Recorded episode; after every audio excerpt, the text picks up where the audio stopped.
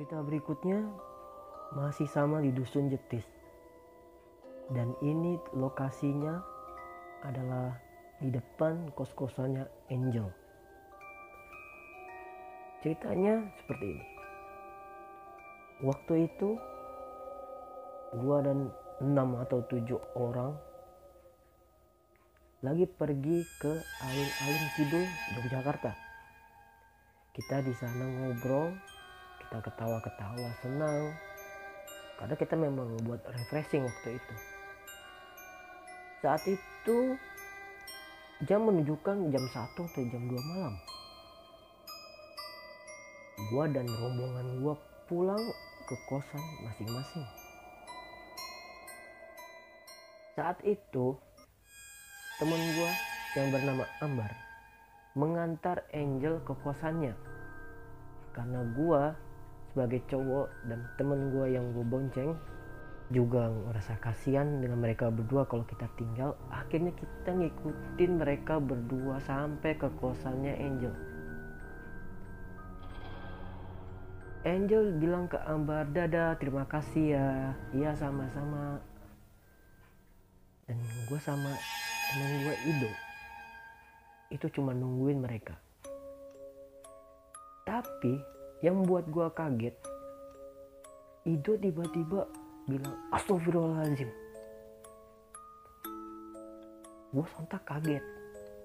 Gue bilang ke dia, Do ada apa? Enggak, nggak ada apa-apa. Aku kaget. Aku tadi ngelihat pohon gitu. Aku kira orang gitu. Masa sih gitu? Iya, aku lihat pohon. Aku kira orang gitu. Dia bilang seperti itu. Tapi dalam pikiran gue dan perasaan gue mengatakan kalau Ido ini sedang berbohong. Dia nggak bilang yang sebenarnya. Sehari, dua hari, tiga hari, gue selalu bahas masalah itu. Gue paksa dia buat cerita dan gue paksa terus sampai dia cerita. Dan akhirnya di hari keempat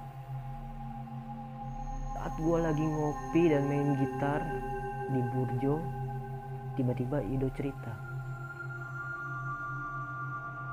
Yo kamu tahu nggak kenapa aku pas lagi itu bilang astagfirullahaladzim?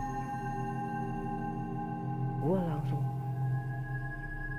wah feeling gue bener nih gitu kalau ini ada apa-apanya gue respon dia ya sebenarnya kamu itu ngeliat apa do gitu? Aku bener-bener nggak percaya kalau kamu bilang kalau kamu ngeliat pohon gitu. Lalu dia cerita. Aku nggak sengaja. Aku pas lihat ke rumah yang di depan rumah Angel di jendela itu ada orang yang ngintip tapi tembus pandang itu gue diem nggak bisa berkata-kata apa pun. Karena gue yakin apa yang Ido lihat itu benar. Lalu cerita Ido gue simpan. Gue ceritain ke Angel.